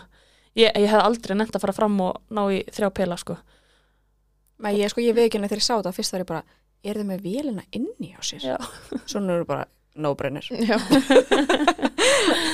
já, þetta var mjög þægilegt af því þá gæti ég bara, þú veist, labbað, þú veist, þetta var inn í herbygginu þeirra, bara hliðin á, Já, þannig að ég gæti bara labbað inn í herbygginu þeirra, gert pelana og reddi þar það var óslega pyrrandi á daginn að þurfa að fara aftur inn í herbygginu þeirra til þess að Mhm. ná í pelana en þú veist, ég nætti í freka þegar ég var vakandi heldur en að gera þetta á nóttinni sko Já, maður reynir að gera allt fyrir hann að nætun þessu þægilegar. Einmitt. Hvernig var að finna nöfn á þrýbura? Herðu, um, það var óslega auðvelt Wow, ok. já, ok, ég fyrst ekki Jæja, þessu. ok, jæja. Við höfum bara alltaf finnist ókslega auðvelt að finna nöfn og ég held að það hafi það að gera að hann er með ættanafn. Þannig að við þurfum bara að finna eitt. Ah, ok. Ég held ég, að ég var örugglega ennþá að leita að nöfnum ef ég þurfti að finna tvö. en að því við erum með ættanafn og það heita það bara í miðjunni og þá þú veist, er, var þetta ókslega auðvelt. Ég held að við höfum bara, þú veist, örgulega tekið bara eitthvað eitt spjall um þetta og var þetta komið. Og spítalanum með hversu snemma? Nei, þetta var alveg svolítið snemma sko. En við vorum þetta með annað nafn fyrir Írenu sko. Og við breyttum því þegar að hún fættist. Já. En strákarnir voru alltaf með ákveði sko. Og voru þið bara, ok, A heiti þetta, B heiti þetta, C heiti þetta, eða þú veist. Nei, í raunin ekki að því að um, B og C er ekki sömu í maganum og þegar þau fættust. Já, ok. Já, Já, svissasta. já. Ok. Eða Þorri var alltaf C en hann fættist og þá var hann B og öfugt svo Já. Bjartur var Já, Ok, ok. en þið þið eru samt vissu hverju hvað í dag Já. Já. Hún er, hún er, hún er svo strýpuri A. Já, hún er A og Þorri B og Bjartur er C. Bjartur litli minn sem var Já. svo fljótur að vera stærstur síðan. Já, það er svo magna. Já, Það er ótrúlegt. En hvernig er þá, þú veist, jú, þannig að bara vantilega allt komið í svakalega rútinu og allir hvað komnir á leikskóla eða... reyndar þegar að já, þau leikskólamálunni keflaði eru frábær og standa rosalega vel Kalt hannig. og hérna þau byrja hjá dagmömmu 16 mánuða og þau eru tæknilega sér bara nýbyrja á leikskóla sko. Þau byrja á leikskóla fyrir 7 mánuðum. Oh Já, my meina god. Já. Ha? En samt er Já. forgangu fyrir þrýbura. Já, nei, nei. Er ekki forgangu fyrir þrýbura? Æ, Hvað Jú, meinaru? ekki COVID, af því að það- COVID-árgangurum var svo stór að það var bara ekki hægt að taka inn. Hvernig með það bara breyta því? Nei, þetta ekki. Ég hef sendt hótunabrið Já, En þeir samt komið rosa mikið á mót við okkur, þau breyttu ógislega miklu, þú veist, þau voru alltaf inn og komið með bara eitthvað þvílíkan fjölbra ofslátt og ok. yfir átjá mánu hjá dagmömmu ko- borgaði jafn mikið og leikskóla og annað, þú veist, þetta kom alveg út á sama peninglega ok, sér. jú, Já, ég var einmitt að fara að spyrja En þú veist, fæðingar hvað alveg er náttúrulega bara tímindu meira en okkar skilur. Já. var- Já, plúsa Það er Já, ekki, það er bara þrír mánuður og þrír mánuður Já. Er ekki rétt sem Þú er? fyrst sex mánu aukarlega eða ekki jú, Já, þessu plús og einhverju dagar upp á vöku já, og sem bara annað okkar fær. Já, bara bara, annað, bara annað, einmitt. já, já, já Og þau ættu í rauninni að fá sko fyrir hvert bann á vöku. Já, Nákvæmlega. Þetta er bara fær, hvert bad fær fæðingarlóf Já. og ekki bara að breyta þessu bjánandir ykkar þetta er fáralegt Þetta sko er svo, þetta er svo mikið rugl sko. Svo ætlaði Arnar að fara mánuði fyrir í fæðingarólof og hérna það átti ekki að meiga og eitthvað ég man ekki alveg hvernig það var hann þurfti að kæra eitthvað til verð, velferðamála sviðs og eitthvað Ég og, mann hvernig Já, það ég Já, man eftir þetta þessu var bara ógislega mikið case en við unnum málið hann að En það er ekki enda búið að breyta þessu í dag. Nei, ég veit að það ef þú ætlar að púla það saman þá ertu aftur að fara í mál. Já, en ætlaði að sé samt ekki svona ég veit það ekki, þú veist, þau vita allan að því að Já, fólk er að, Ég held að þið hafa alveg rutt veginn sko já, Þú veist, þið allavega, þið opnuðu á þetta sko já, þetta er hérna En alveg hérna, fáránlegt. við hvaða dag, þú veist, voru þið að miða mánuði fyrir, þú veist, er eitthvað svona takmörk með Já, þrýbara það var þannig, ég myndi ekki hvað þetta var. Þetta var að mánuði fyr, fyrir settan dag samkvæmt 40 vikum Já, og hvernig í veröldinni ætti ég að fara að ganga 40 vikur með þrýbura. en það er bara ekki lauf. Það er ekki hægt bara. Það er náttúrulega ekki búið að breyta hvað fæðingarlóf fjölbara heldur, þú veist, bara síðan hvað 2003 eða eitthvað Já Já, 1903. Þetta er bara ferkantaðasta reglugjöf sem ég veit um Já. í kringum þetta. Af Þetta því að þú veist bara- Mhm. að það er alveg búið að fæðast eins og segja, það er kannski ekki margir en ég menna, þú veist, ég á þrýbara frendur sem eru hvað 10 ára núna, Mm Mhm. -hmm. þú veist, og hún fekk bara sama fæðingarlóf þú Mm -hmm. Þú veist, það ætti náttúrulega bara að segja að full meðgöngu með þrýbura er hvað, Já, við 35 fengum vikur líka eða sko eitthvað? vottor frá yfir lækni á fæðingadeild yfir að þú veist, þetta sé 34 vikum max með þrýbura og eitthvað svona Mhm. og það var bara ekki tekið neitt marka á þessu og en þú veist, já, endaði með því að unnum málið hann að þú veist, kannski hefur það sett eitthvað svip, ég veit það ekki. Já. Já, ég vona það. Vonandi. En hann tók sér satt fæðingarlega frá þessum 30 vikum þá, eða hvað? Já, Já. já, hann hérna það var eiginlega bara orðið þannig að ég gat ekkert hreift mig og ég gat ekkert séð um strákin hann að þú veist, augljóslega þurfti hann að fara fyrr Mm -hmm.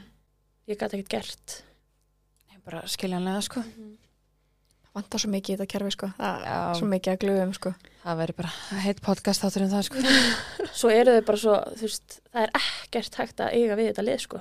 nei, Það er bara, þetta er alltaf bara computer says no, það Mhm. er bara ekkert hægt. lægið helvitist tölvun ykkar Já, ángríns.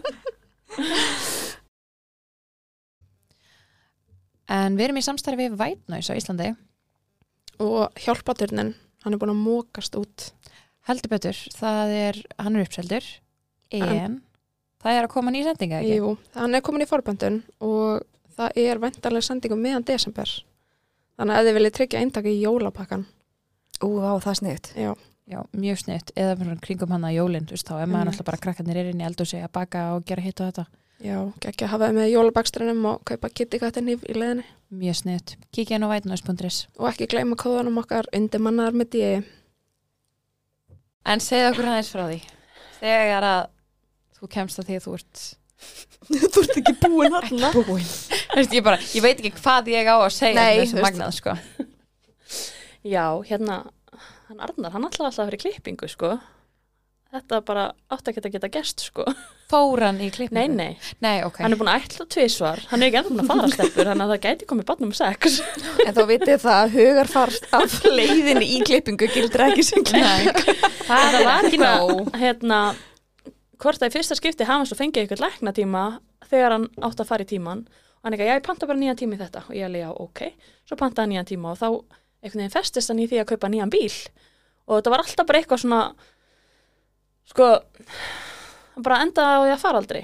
Og það var alltaf eitthvað, það var alveg valit ástæða fyrir því. Þannig að ég er bara svona, þú veist, þarf að fara að minna hann á það, hann þarf að fara að panta tímaklippingu. Ég ætla ekki að eignast annað barn. Eða börn, ég menn, you never know. Það er mjög gaman að eiga týpur, sko.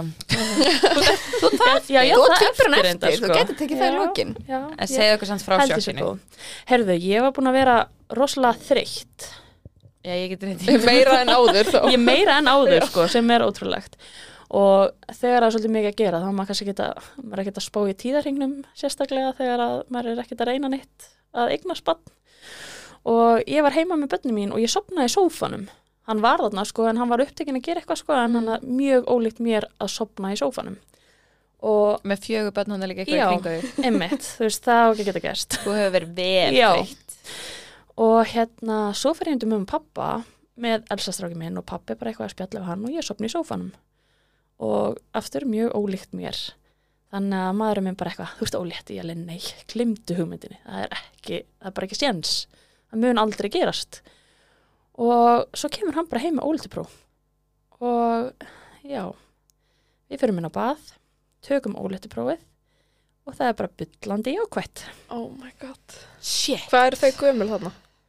bara, þau eru bara rúmlega eins ás Bara alveg eins bara, já oh my god ég er eiginlega orðlaus Hversu Já. mikið varstu þarna bara, fokk, við erum að frega bara nýju bönn.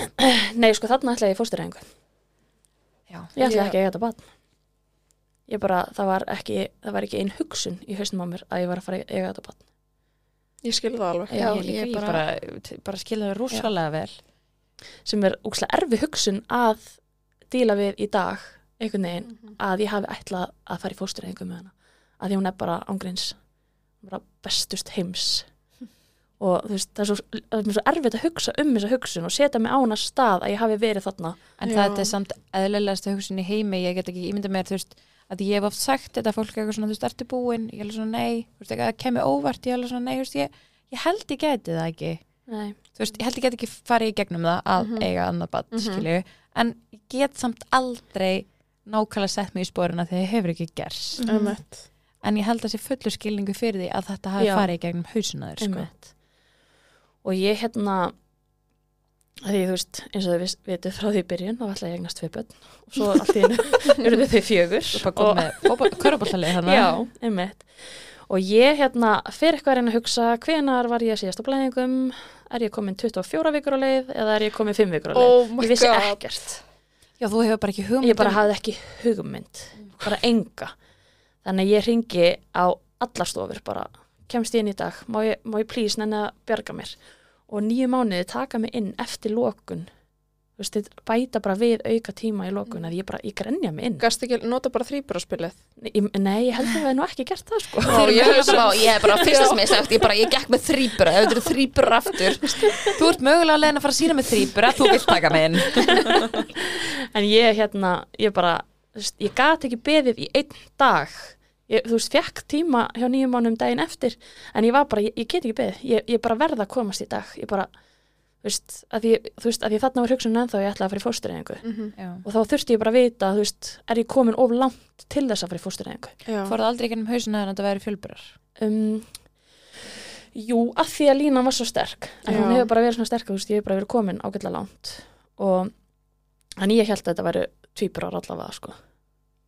Oh my god. Hvernig var þá þessi sónar? Herðu, við förum hérna sónar og þarna er bara eitt lítið gríli sem betur fyrr en ég var, var komin átta vikur sem er nú ekkert eitthvað rosalega langt en það er, Það er alveg frekar það er langt með við það já, já, veist, já. ég hef alltaf komið staðið þessu líka við 5-6 vikur sko. Mhm.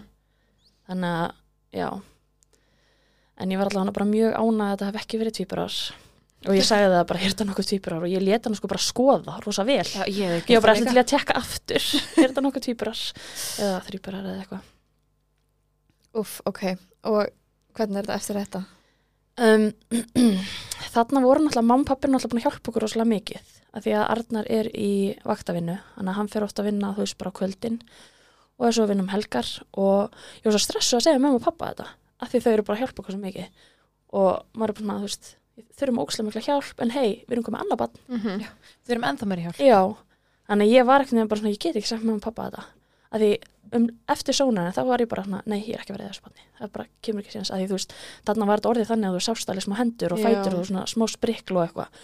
Og þá allt í hennu bara svona breytist alveg. Og þá bara gæti ég ekki tekið þessi ákvörðan að fara í fósturrengu.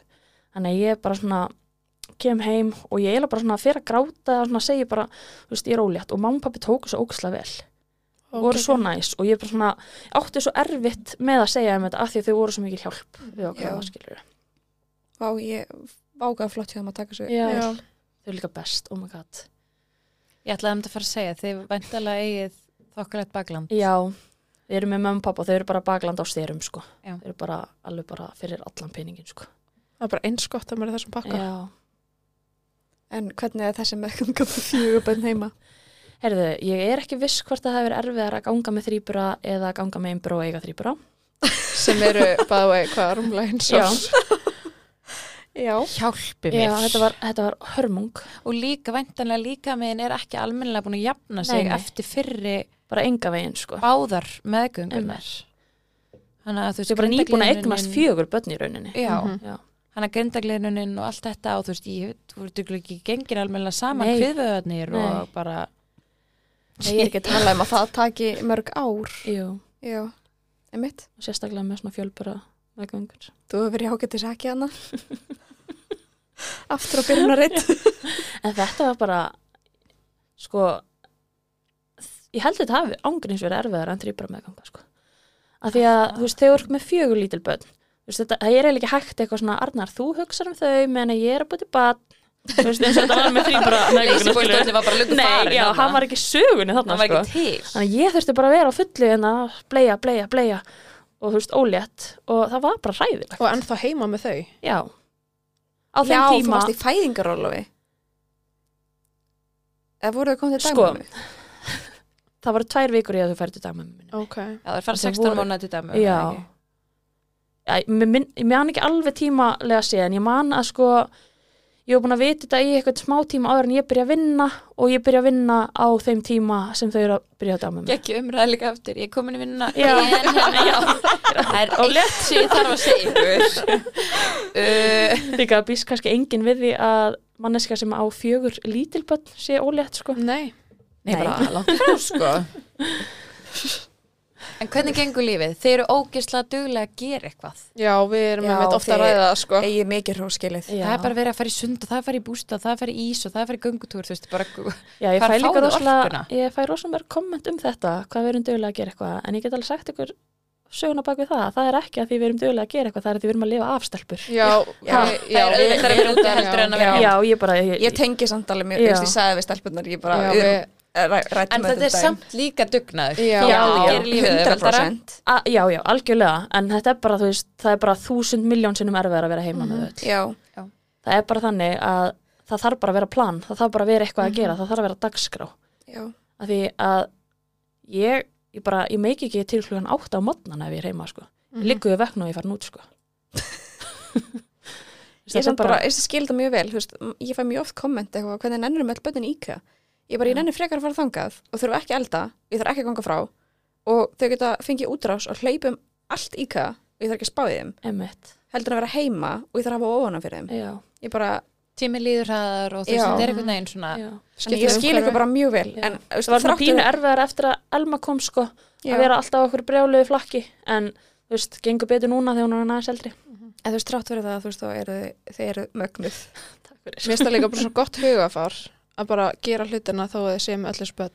Já, já, ég held að það hafa líka verið svolítið eitthvað sem við settum okkur, þú veist, þau eru ekki að fara að, hérna, ekki fá að upplifa ákveðna hluti að því þau eru þrýburar eða að þau eru svo mörg.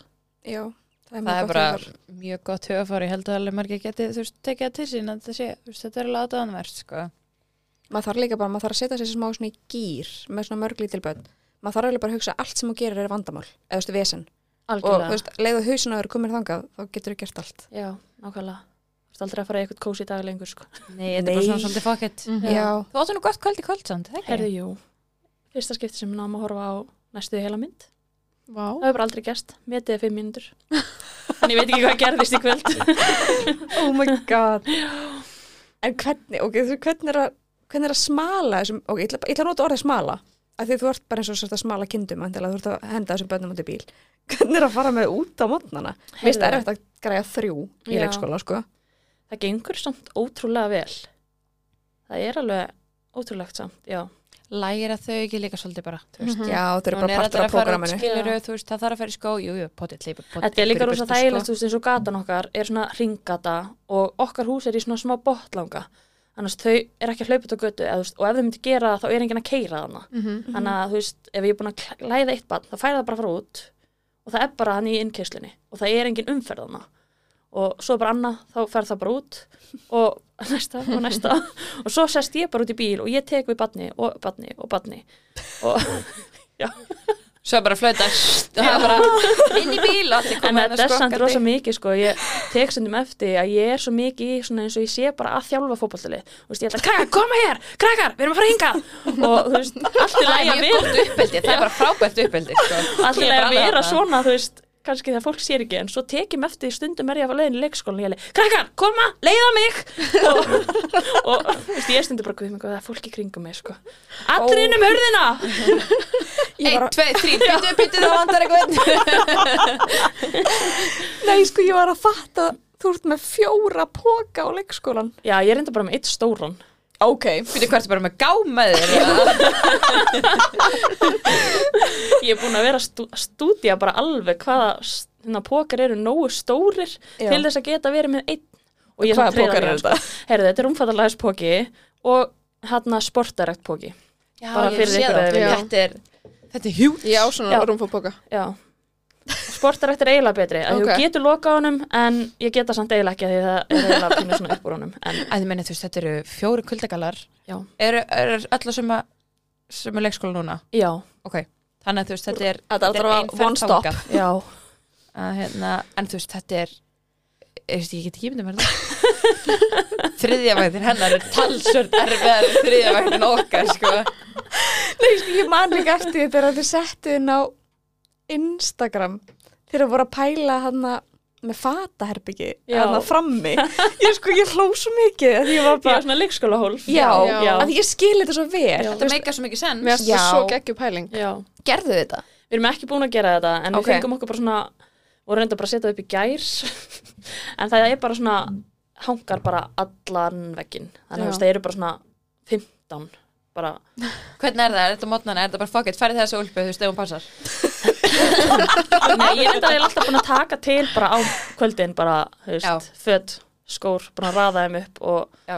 ef ég er dugleg sko. svo Þú kemur getur bara labba á stundum þeirn bás og þetta er til Já. og bara, já, Það er náttúrulega, ég myndi ángriðs gera það Já. Það er eina viti Já. Þetta er mjög snitt Eða vera bara fokkitt. Já, eða, eða, svona- koma líka þannig dagar sko sem ég er bara, já, fuck it og þá er eitthvað, ég bara "Úps." á mótnana bara eitthvað Pappi gerðu þetta Já, og þá erum við bara eitthvað, hvað er húan hans? Og við erum bara orðin pyrruð út í hvort annað því að það er ókslega mikið skipil og leysi okkur Finn aldrei skóna hennar og þú veist, þetta getur orðið bara ókslega pyrrandi ef að maður er ekki skipilagur Svo líka held ég að halda óslega margir, þú veist, maður á um eitt fjölbura, það er ekki allir í sömu skóstærinni, Nei. Nei, það er ekki allir í sömu stærð af fötum eða úlpunni eða gallanum. Neip. Þú veist, það er Ah. bara, En er þá ekki bara eitt barni óstóru? jú, jú, Það er alveg þannig bara að mér svoleiðis, sko, sko. Þorri er alveg miklu minni sko, en hann er bara í hjöpstóruð Það Já. er bara aðeins smá beggi á hann Ég, ég sendi strákun á leikskólan á mánudaginn Óska var í báðum hægri og Ég vona að gera þetta svo oft ég tók ekki eftir þessu fyrir en ég sá það lappa í áttina mér það var ég bara, þetta er einhver skrið Ég gerði útilegu Ég gerði útilegu senasta sumar sko og þá voru hvarna heiman og þá voru, þú veist, hérna Þorri var í tveim hægri og Bjartu var í hægri og vinstri þannig að þú veist, það voru þrýr hægri skó Þannig að það endaði með því að við þurftum að voru að kaupa sko. skó einn heppi sem Oh fekk my nýja skó, God. ekki þið hinn. En eftir þetta keipti ég bara einn skó bara alla í sikur litnum Já, það er sniðugt. sniðið. Já, að þetta var einhvern veginn þau áttu öll eins skó allir svartir og Ingibergur átti líka skó sem að, þú veist, eldri af honum, Já. hann var allir einu komið fjögur pör og það var ekkert skrítið að það var einhver í tveim hægri og Já, Nei, einmitt. Þetta er enda mjög sniðt, hafa annan í svörtu og hinn í hvítu eða eitthvað. Já, Þú veist, skópa Og þriðja í... gráu. það er líka ókslega þægilegt sem að ég er búin að finna pínu með eftir ég fór að litaskipta smá þá hérna vita þau hver á hvað Já. Ah. en þá kemur líka rifrildi inn í Já, þetta ég vil vera í grænu Já, í dag. já. Já. þú veist, eins og pollagalarnir eru einsjáðum öllum og þá getur bara tekið einhvern pollagala Já. og þá er Já. ekki rifliti, þannig að það er ekki ekki en, en þetta er svona bæði næs og bæði Já, við, nefnilega- við Ekki rættum þetta mjög mikið varagnildi, steinunni. Já. Og ég, er sko, ég er alveg spennt að prófa, að því að mín er alltaf eins. já, Ég er alveg spennt að prófa eitthvað svona lita. Ég hef alveg verið með liti sko og þú veist og núna síðast var ég að skipta þú veist Ernir er tölur stærri skóstan heldur en Alex og ég bara það þurfti að skipta um skó þannig að Ernir, eh, Alex er komin í skóna sem Ernir er í og Ernir fekk nýja skó og ég var bara vá Alex, sérðu, varstu að fá nýja skó og hann var bara Ernir, ég var bara nei Alex var að fá nýja skó það er svo fljóta að vita sko, Já. hvað er sitt sko. en núna er þetta alveg komið inn sko þú veist Já. hann er í sína skó Já. skilur og Ernir fer í, í nýja skó En mér langar að vita hvernig svona venjulegu dagur hjá okkur er. Þú veist, hvernig skiptið ég held þið- þessi ekkit venjulegt við þetta en bara hvernig, hvernig daglega rútun er meina Já, hvernig er dagleg rútina hjá okkur? Þú veist, er það að skipta ykkur þannig að bara annað, inna, annað ykkur að sjá um krakkana á mótnana og hittar að gera eitthvað annað eða drífur sér í vinnu eða þú veist, hvernig er þetta hjá okkur? sko, Arnar er í vaktavinnu þannig að hann vinnur 5-5-4 þá er hann að vinna í, þú veist, 5 daga frí í 4 og vinna 4 og svo, Já, Mhm. mm. þú veist, þið skilja Já. og stundum er hann að vinna hérna dagvaktir, þá er hann farin klukkan 5 á mótnana og svo á móti er hann að vinna uh, kvöldvaktir Ok, og er hann þannig farin að- klukkan 5 á kvöldin þannig að kannski fimm dagir rauð skilan þið bara eftir í skýtnum. það er bara Ok. nákvæmlega þannig takk fyrir þetta, Arnar er þetta að hlusta í skýtnum og hérna, en þá er ég með auperinn Já, Ég þú tek ert með boltann á móti, au pair. já. en það er líka bara Væntanlega, bara að sjálfsögðu, bara sem betur fer er hún með auper En það er líka rosalega erfitt hérna á vissu leiti að því að þú veist, eins og fyrsta sem var hjá okkur hún kemur þau eru ung og þau eru svolítið vönenni svo er nýja að koma núna þau eru að byrja í leikskóla og það er alltaf bara, nei mamma gerir þetta og maður er alveg, æ Ah, þú veist, ég er að fá hjálpina ástæðu mamma gerir þetta, mamma klæða þorra skóna ég er alveg bara, Klættu þau sjálfur þá já hann að þú veist, ég er náttúrulega alltaf betra að gera þetta með Arnari en þú veist, Mm-hmm. Tekur allar hjálpi hendur hjálp, já En ertu að fara með öll börnin út í bíl, skilur þau yngstu eftir heima hjá auðbörnum en Já. á skutlar? hún sem sagt hérna gefur henni bara morgumat á meðan ég skuttla þannig að það er mjög næs að þurfa ekki að drösla henni út líka Já, og svo er hún að mæntalega að hjálpa með heimila og svona menna krakkarnir á leikskólanum og... hún sér alfar um þvottinn og svo gengur hann aðeins frá eftir morgunin og svo erum við okkur úlfatímanu líka þannig að Já, hvernig er úlfatími með fimm börn? heyrðu já þetta er rosalega mikil klikkun ég get bara sagt það Þú veist, fólk hefur alveg komið, inn- komið heimtímin og verið bara svona þú veist, bara overstimulated eftir fimm minundir sko. og ég er bara svona, já, velkomin í lífi mitt alla daga Þau eru ekki að fara svona strax þannig að ég hérna, já þau sækjum mig á leikskólanum sko, ég reyna að fara svolítið út eitthvað með þau að ég, þú veist, bara róleri þannig en þetta er bara það er ekki að skafa þetta, þetta er ógislega erfitt Já. og það, Trúðu það er bara bara mér. fælklöp það er bara þú á móti fimm Já, og líka sko eins og hérna þegar þau eru með þrýbura að það er bara eiginlega svolítið svona eins og að vera þrjár vinkonu það verður alltaf eitthvað út undan eða eitthvað svoleiðis Mhm. og þess að rífast við þennan og þess að rífast við þennan og, og hérna eld, eld, eldri strákurinn minn er ekkert rosa mikið að elska sískin sín ymmit núna sko að því þau eru svolítið að byrja að íta á mótónum skilur að Mhm. Aðeins að svona- testa hann. já. Þeir eru líka þrjú á móti einum Já, sko. einmitt. En hann elskar Elmu, sko. Örgulega því að hún er Já, hún er að ekki segja henni þetta. svo fer hún að íta, þá er hún Já. bara neitt þú mátt Já, ekki Nenni leika þér herbygginu ekki mínu lengur. Þannig að þú veist, þetta er rosa, ég er alltaf að slökka elda. Já. Það er bara Já. alltaf. Og svo bara færum þetta að vinna. Það það er bara, bara með Elmu bara í vinstri og svo bara með hægri að slökka eldana Elma er besta barn í heimi, sko. já, þú, eh, bara, vá, ég er svo ánað að Já. það sé þannig Hún er Bara- bara frá því hún fættist, ég held ég hafi valla heyrt hann að gráta. Hún kvartar ekki. Hún bara drekkur pela sinn, borða matið sinn, svo er hún bara á gólfinu að leika sér. Og all sískin hennar sko þó að þau fjögur geta rifist eins og hundur og köttur, þá elska allir elmu. já. Það er allir ógislega góðu við hana. Mhm. Æ, hvað Bara er koma að krúttlegt. strjúka henni Já. og bara sjáðu elma. Þannig að hún er bara eitthvað, eitthvað lítið barn að lifa einhverju drauma lífi þarna ógislega sátt og hún verður svo mikið yngsta sískinni sem verður Já. degra sískinni Vá, sín hún verður svo tegruð. en það er bara að þetta hefði eiginlega ekki mátt vera nýtt öðru sér sko. Nei. nei, guð, skiljanlega Já. það Og er ekki bara- verið gott að fá kveisubann hann Nei, með fjögur, ángríns, fjögur bara- undan Hefði ég ímyndum mér að fá bara þorra aftur eins og hann var. Mm Þú veist, þá væri ég, ég væri ekki að tala við ykkur hérna Nei. í dagstelpur, ég væri bara, það væri búið að leggja mig Mér finnst magna hún sérst að tala við okkur hérna með við bara allt annað sko Bara- Bara að við gefið gefið tími í betra en að þetta, vera sko. heima stelpur. Mátt koma aftur. Já. Please. En hvernig, þú veist, kvöldmatatími? Nærða að borða? Náðu þið að borða? Nei, Nei, ok. Þau, við, við hérna gefum þeim borðið að borða. Nei, aldrei, ég hef engan tími neitt svo leiðis. Nei, það er bara hérna, þetta er svolítið eins og að vinna á veitingastað, Mm -hmm. að Já. við erum bara þjóna. Já. Og við bara löpum um borð og gefum mjölk og, eða vatn og fyllum á diska. Þannig að já, það er bara svolítið þannig. Þetta er svo fyndið, maður fyllir á diskinu á krakkanum, svo maður fara að nája sitt og þá kemur, meja. Meira. Já. Maður er bara, oh, ok, geðu meira, svo maður fara að sitt snir, meja. Já. Og bara, já, já, það eru, ok, ég Já, borða setna. Við bara tókum fljótt ákvörnum það að hérna, borða ekki með þeim. Ok, þannig að þið bara komið þeim upp í og svo eru þið bara í huguleg Já, þá borðum við bara í friði. Það er enda bara mjög gott. Mhm. Maður þarf Já, líka tíma það með er makanum alveg- sínum já. og þetta er aldrei bara ábyggla besta lusnin. Já. Í staðan fyrir að vera pyrraður yfir ég að hafa bara borðað hálfan diska pasta, sko. Ömmett. Þú Veist, já, ég, þetta- ég segi þetta betur reynsla því ég var að klára hálfan diska pasta áður í kominga. Já, svo er oft þannig að við einhvern einhvern veginn svona endum á því að borða ekkert endilega það sem þau eru að borða og við bara einhvern veginn svona já, ég finnst skulum bara fá okkur, eh, panta okkur eitthvað eða eitthvað Já. svoleiðis. Af því að þau kannski bara klára allar matinn og svo bara af því að við vorum ekki að borða og reyngjum matur eftir fyrir okkur. Æ, Við þá vorum bara bara eldur bara panta nýtt mér sér eða eitthvað. panta mér eitthvað Já. eða Mhm. fá okkur samloku eða núðlur eða eitthvað. Já. fljótlegt. Við erum rosa, lifum svolítið mikið á því, bara allt sem er fljótlegt. Við erum ekki mikið að gefa okkur tíma í okkur. Nei, ég- Það bara- kemur. Já, það kemur. En ert að fá, í staði þú veist, það er hort á okkur þrjár, sko, með þrjú börn. Hvernig er aðteklinn þegar þið fara út úr húsi með fimm börn undir fjagra? Það þetta er alltaf bara, ná að gera. Maður er alveg, já, það er nóg að gera. Færði ekki líka spurninguna, er þetta þrýburar? Jú, rosa mikið. Mér finnst það búin að minka smá eftir að urðu, þú veist, aðeins heldri. Já, ok. En mér fæ þetta alveg ennþá. Mhm. En að því að þú veist, þau eru svolítið svona að ná Ingibergi. Er þetta fjórburar? Já, þú veist, ég hef fengið þá spurningu en hann er náttúrulega samtalið miklu stærri en maður spáir í því, sko. Mhm. en þetta er alltaf bara svona wow. og alltaf þetta bara mikið að gera Mhm.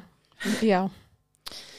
stundur langar mann bara að fara út og fá að vera bara í friði Einmitt. og hérna ekki fá neitt svona áreiti Mhm. en þú veist, maður skilur það svo smáli það er ekkit eðlilegt við það, þú veist, ég fyrir út að labba með öll bönnum mín í sexbæra kerfi, skilur Já, þú er bara með svona dagmömmu kjöru. Já,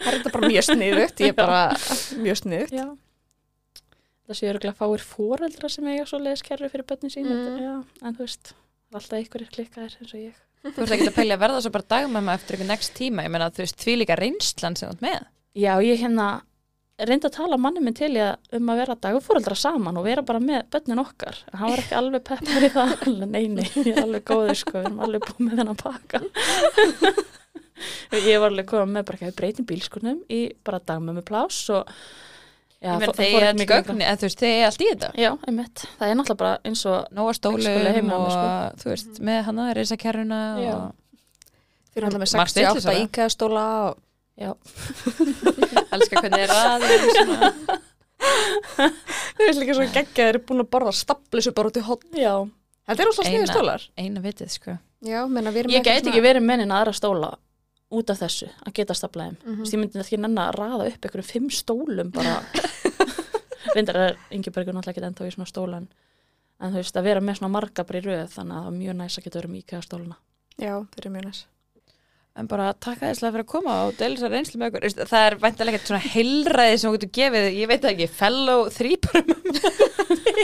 Ef þú verður að gefa eitt ráð Já, ef þú verður. Eða hef, bara eitthvað heilræði, eitthvað. Svo mælum með. speslega myndi vilja segja ekki eitthvað strýpura en Það er þetta frábært heilræði um, það er bara þetta er erfið spurning Ok, hvað, svona, hvað kom þér bara í gegnum þetta líf? Þetta þrýbara líf. Ég er að koma þér í gegnum þetta. ekkert stelpur, ég er að ég er að drukka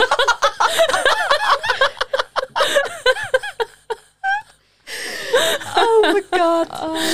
nei, að eignast eitt barn í viðbót og vera svo í fæðingaróla með eitt barn það er að koma mér í gegnum þetta Já, að Já, fá lagsins að Án njóta. gríns. Að fá að njóta Þannig að þú Já. mælum eignast annar barn. Já, ég mælu með því. Ef þið eru búin að eignast þrýbura, eignast þið eitt barn, það er geggja. Það er bara eins og þau sé ekki að gera neitt og þau eru bara heima með eitt barn og það er, það er bara chill. Ég er bara í frí alltaf dagastelpur. Þangatilega hinn fjögur Já, heim. Já, já. Þetta er bara, þetta er, þetta er mjög gott, bara þú veist. Oh. Sér vel um sjálfan ykkur áfram því. Já, bara þeir eru geggjuð En við kveðum úr Nóður Sirius Studio podcastaðarinnar.